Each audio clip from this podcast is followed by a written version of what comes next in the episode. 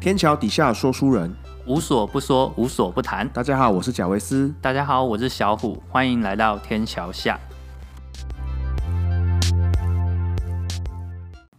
哎，小虎，哎你知道最近有一个新闻很夯，你知道是什么吗？是新型冠状病毒的新闻吗？也不是这个已经夯很久了，还有一个新的，还有没有？再猜？嗯，新的，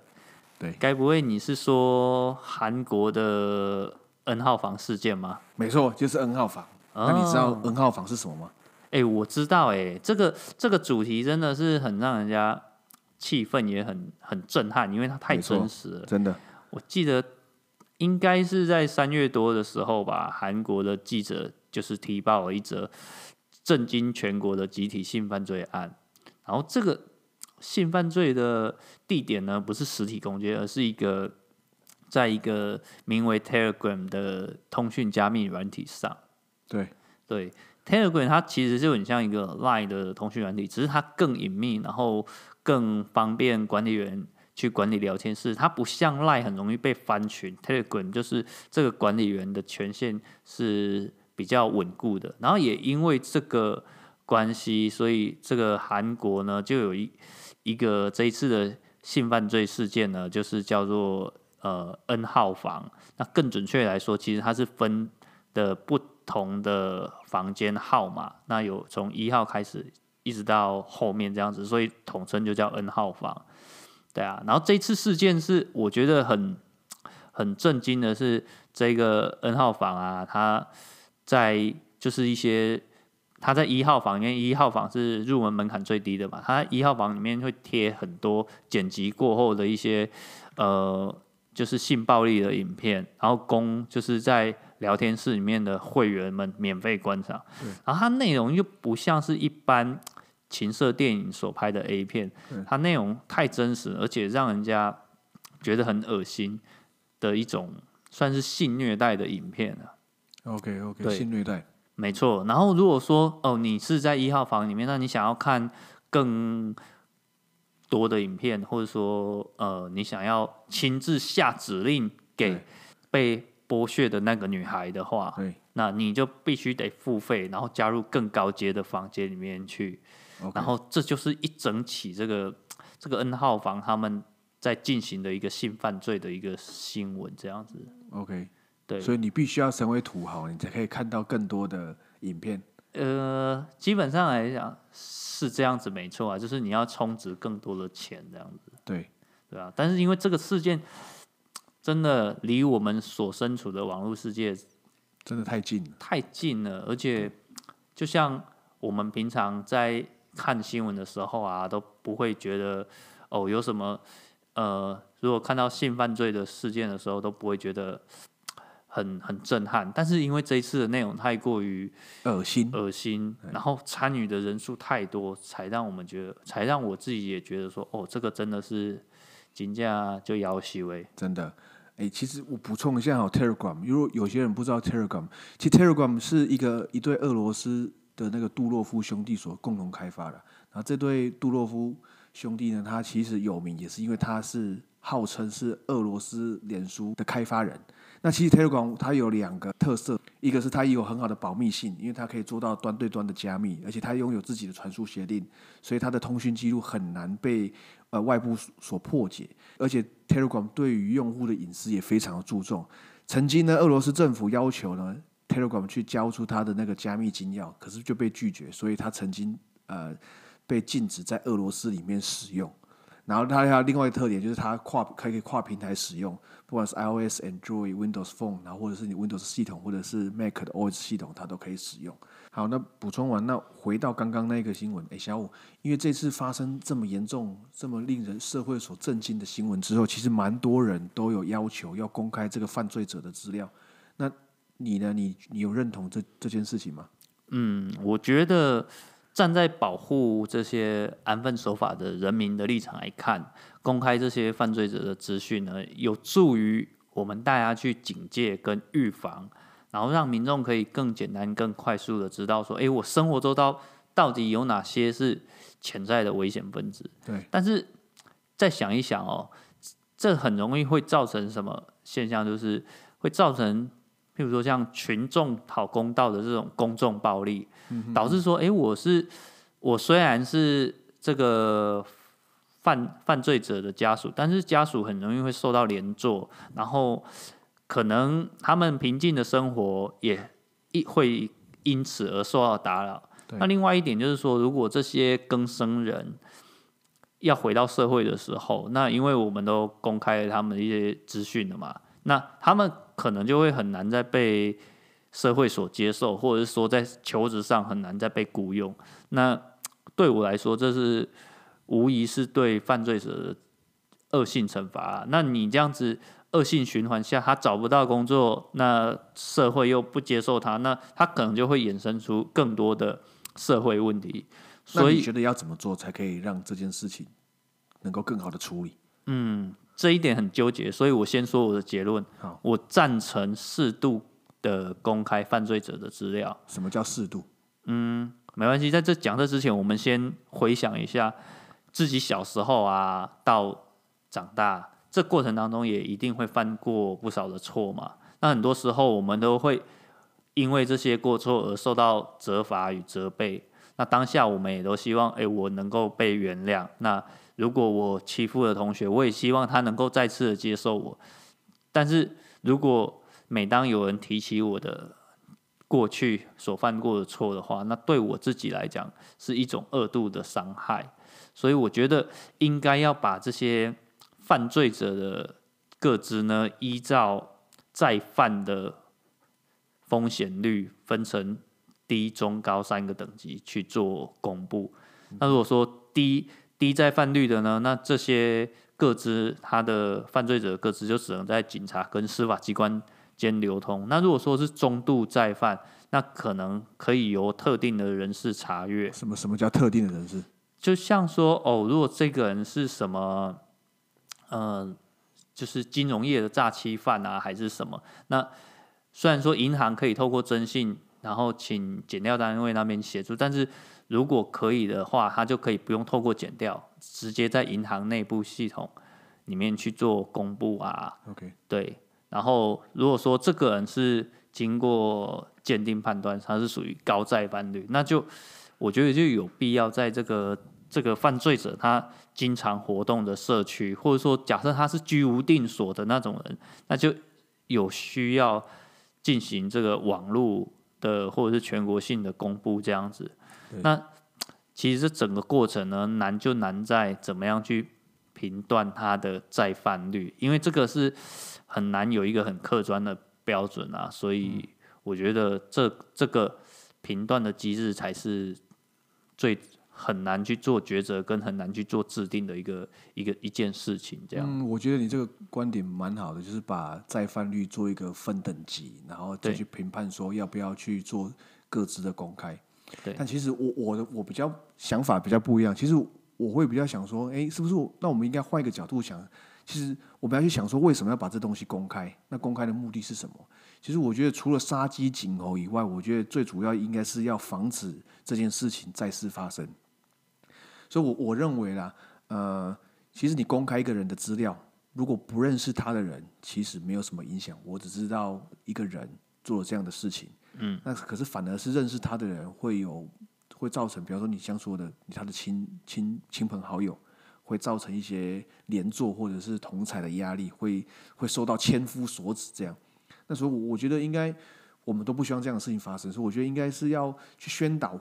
这种事情。如果你做了这种事情，会得到怎么样的结果？嗯，然后其实我也我有在想啊，因为我我曾经听过一句话了，因为人之所以会生气，是因为你当下没有应对的方法。那我觉得其实公开这个资料也是一样，因为我觉得我们因为对这件事情现状无能为力。当我们发这件事发生的时候，我们没有办法，我们很气愤，可是我们没有办法做什么事情，所以我们就会想要去肉搜，把它公开资，把他的资料给公开。那我觉得这是啊、是因为我我觉得是我们的法治方面可能还没有很完善的一个空间，让大家没有办法去啊、信任说这个人会得到他应有的惩罚，呃，这个惩罚会让我们幸福。所以我觉得这这个应该也是我们要去思考的。嗯嗯，那其实我我后来有在想，诶，其实为什么会造成这个背后的原因？你觉得为什么这件事情为什么会发生？有什么有什么？除了这个主席很变态以外，有还有什么原因吗？嗯，我觉得是南南韩的一个一个文化对的一个背景下，因为他们在这种儒家的保守思想还有父权主义的的社会背景下，南韩其实是一一个男权大于女权的一个国家这样子啊。那在这样子的文化背景下，男性很容易就会把女性当做是附属品啊，可以任意支配。然后，并且认为说，哦，我男性我就是优于你女性这样子，然后也因为这种不平等的观念呢，导致说这些 N 号房的这些会员们就会就会乐此不疲的去觉得说，哦，我去支配这些我可以支配的女性，或者是说我去侵害她们，是一种是一种娱乐这样子。那因为也因为是匿名的关系，所以他们就觉得在大家不认识的情况下，对。我可以展现出我的男性的雄风，也不是，就是阴暗面这样子。OK，对对对，对我我诶，其实你这个观点蛮蛮特别的，男权就男权大于女权。嗯，我也觉得，其实我觉得有时候可能是因为我们的网络素养不够，因为像这件事情发生在 Telegram，它因为它这个是匿名，而且它本这个通讯软体本身就够隐私，就我觉得每个人他心里面都有一些黑暗的欲望啊，但是只是看你能不能够控制好。要不然你看为什么呢？啊，这件事情发生之后，韩国的 Google 热搜就是怎么样退出 N 号房啊，然后怎么样注销 Telegram。对我觉得他大部分的人都想说，那反正没有人知道我是谁，看一下应该没有关系。那我觉得，呃，其实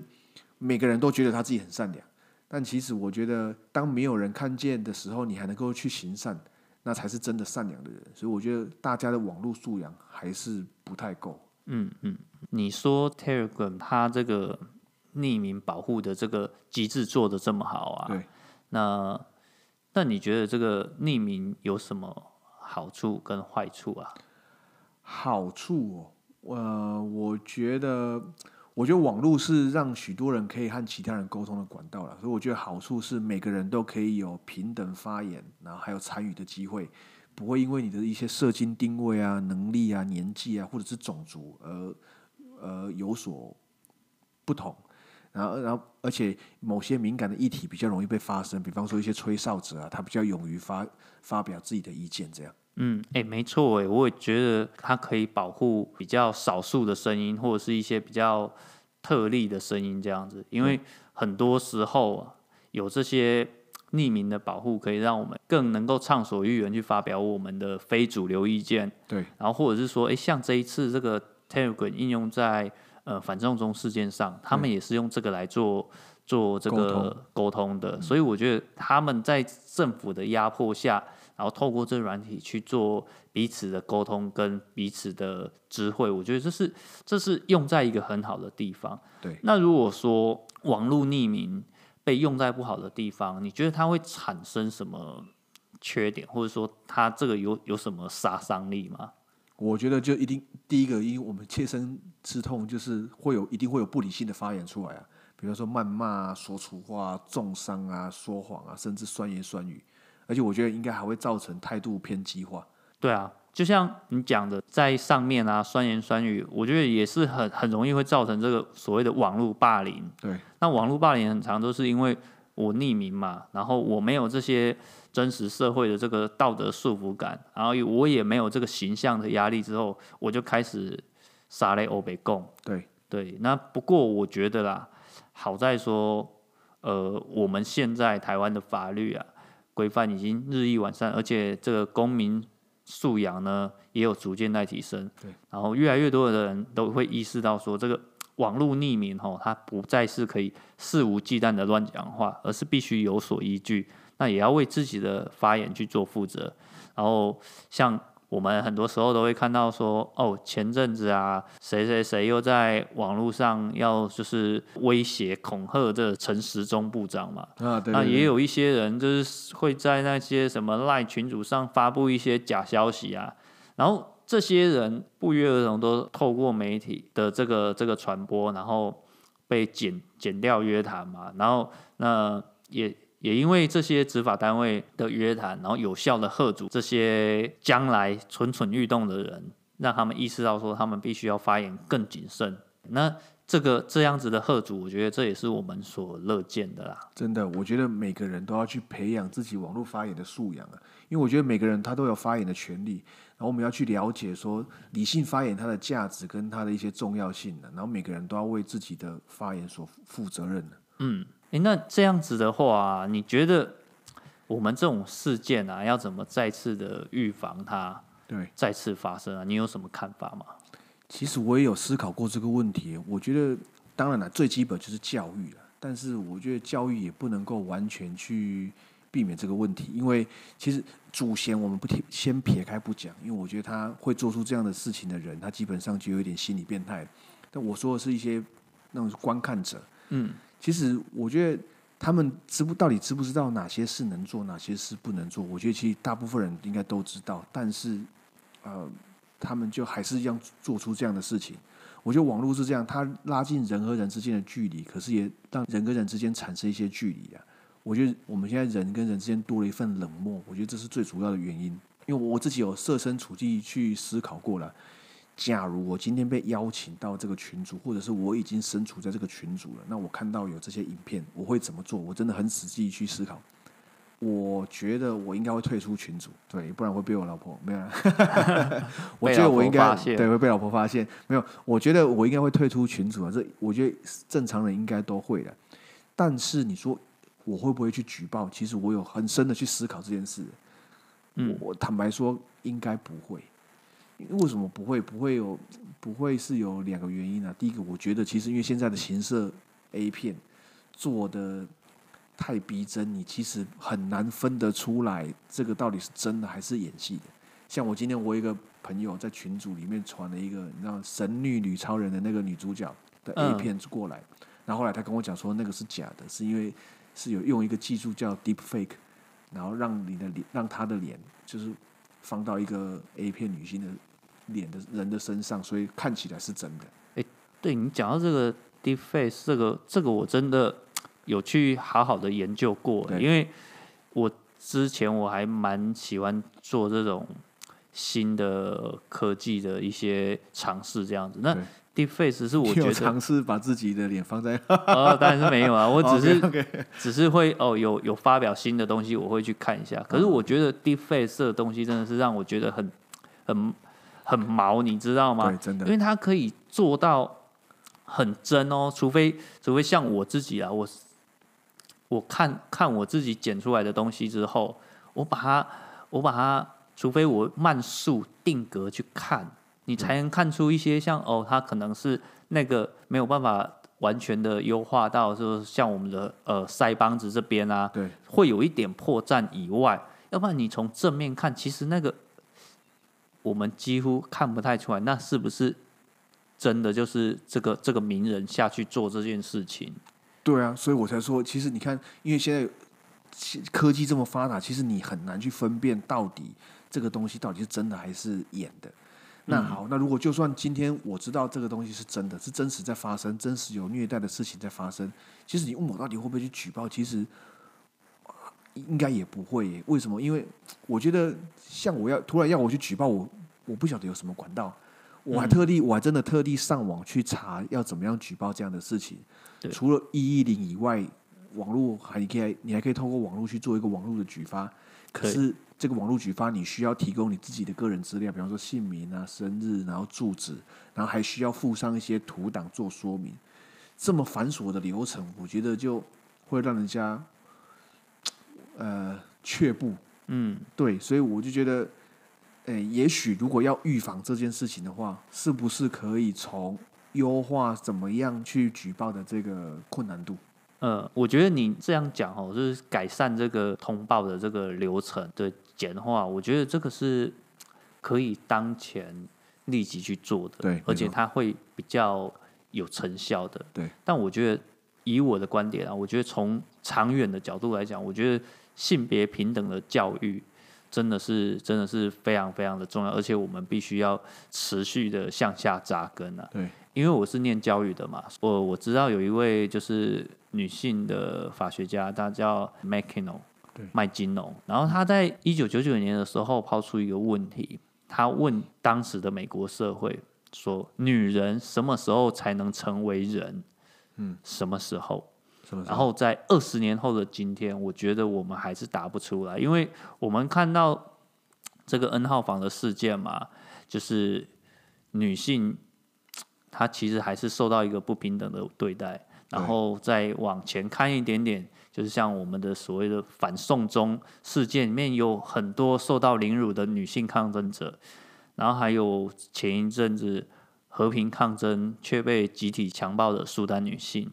然后还有一些人甚至会在网络空间里面发表一些比较偏激的一些言论啊，然后也有一些强暴的影片啊，或者是什么去去侵害女性的影片上传到这些色情网站上，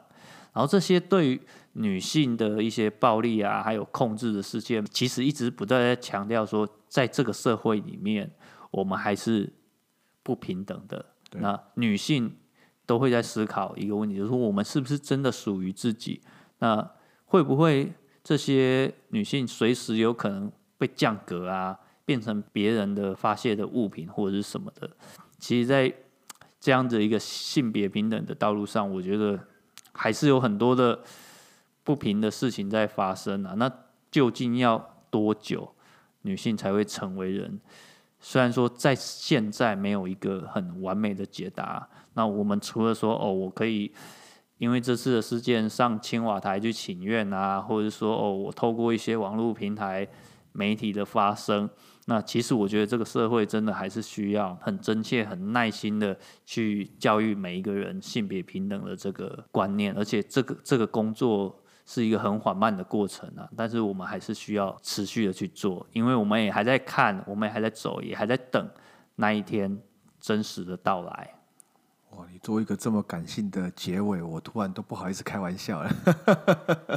其实我觉得，对了，你说的，我觉得这也非常重要了。性平教育，那我们男生什么时候才可以学会去尊重女生？对，对，真的，诶，那好，那题外话，你觉得为什么总是男生，比方说不管是所有影片还是什么，都是感觉都是男生作为主导，反而是女生就是被凌辱、被受虐的那一个、那一个、那一个角色，是因为我们男生比较力气比较大吗？还是孔武有力吗？还是因为你你懂我意思吗？嗯嗯，因为反而很少，你想说女生强暴男生有啊，最近有了啦，可是很少会听到说，事件，对你很少会听到说女生对于男生做一些这样的事情，你你有没有想过到底是为什么？哎、我觉得这个是文化、哎，就是像亚洲这边都比较有一种那种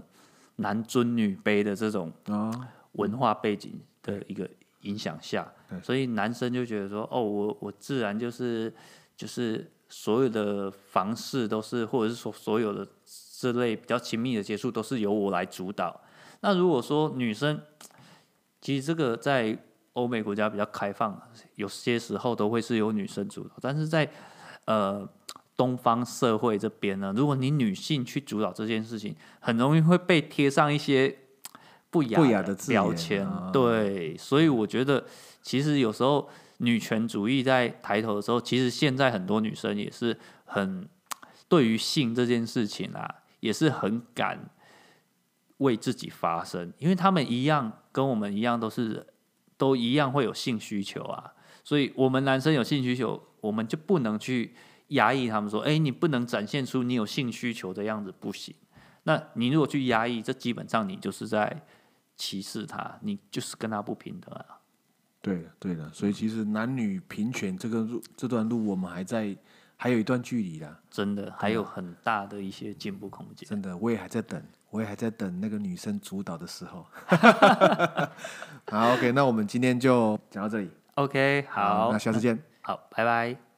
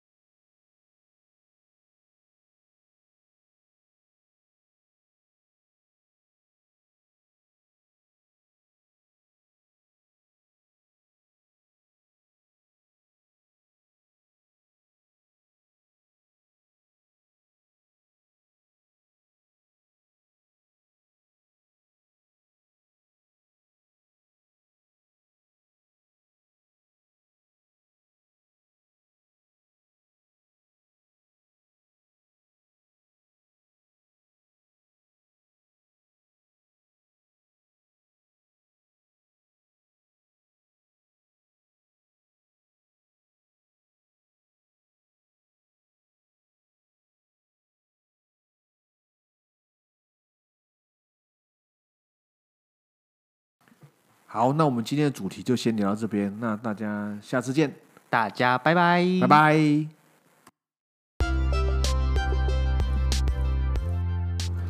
如果你喜欢我们今天的节目内容，或喜欢我们这个频道，啊，欢迎你订阅我们。那如果你有任何想要发表的意见或想跟我们讨论的，也留言让我们知道。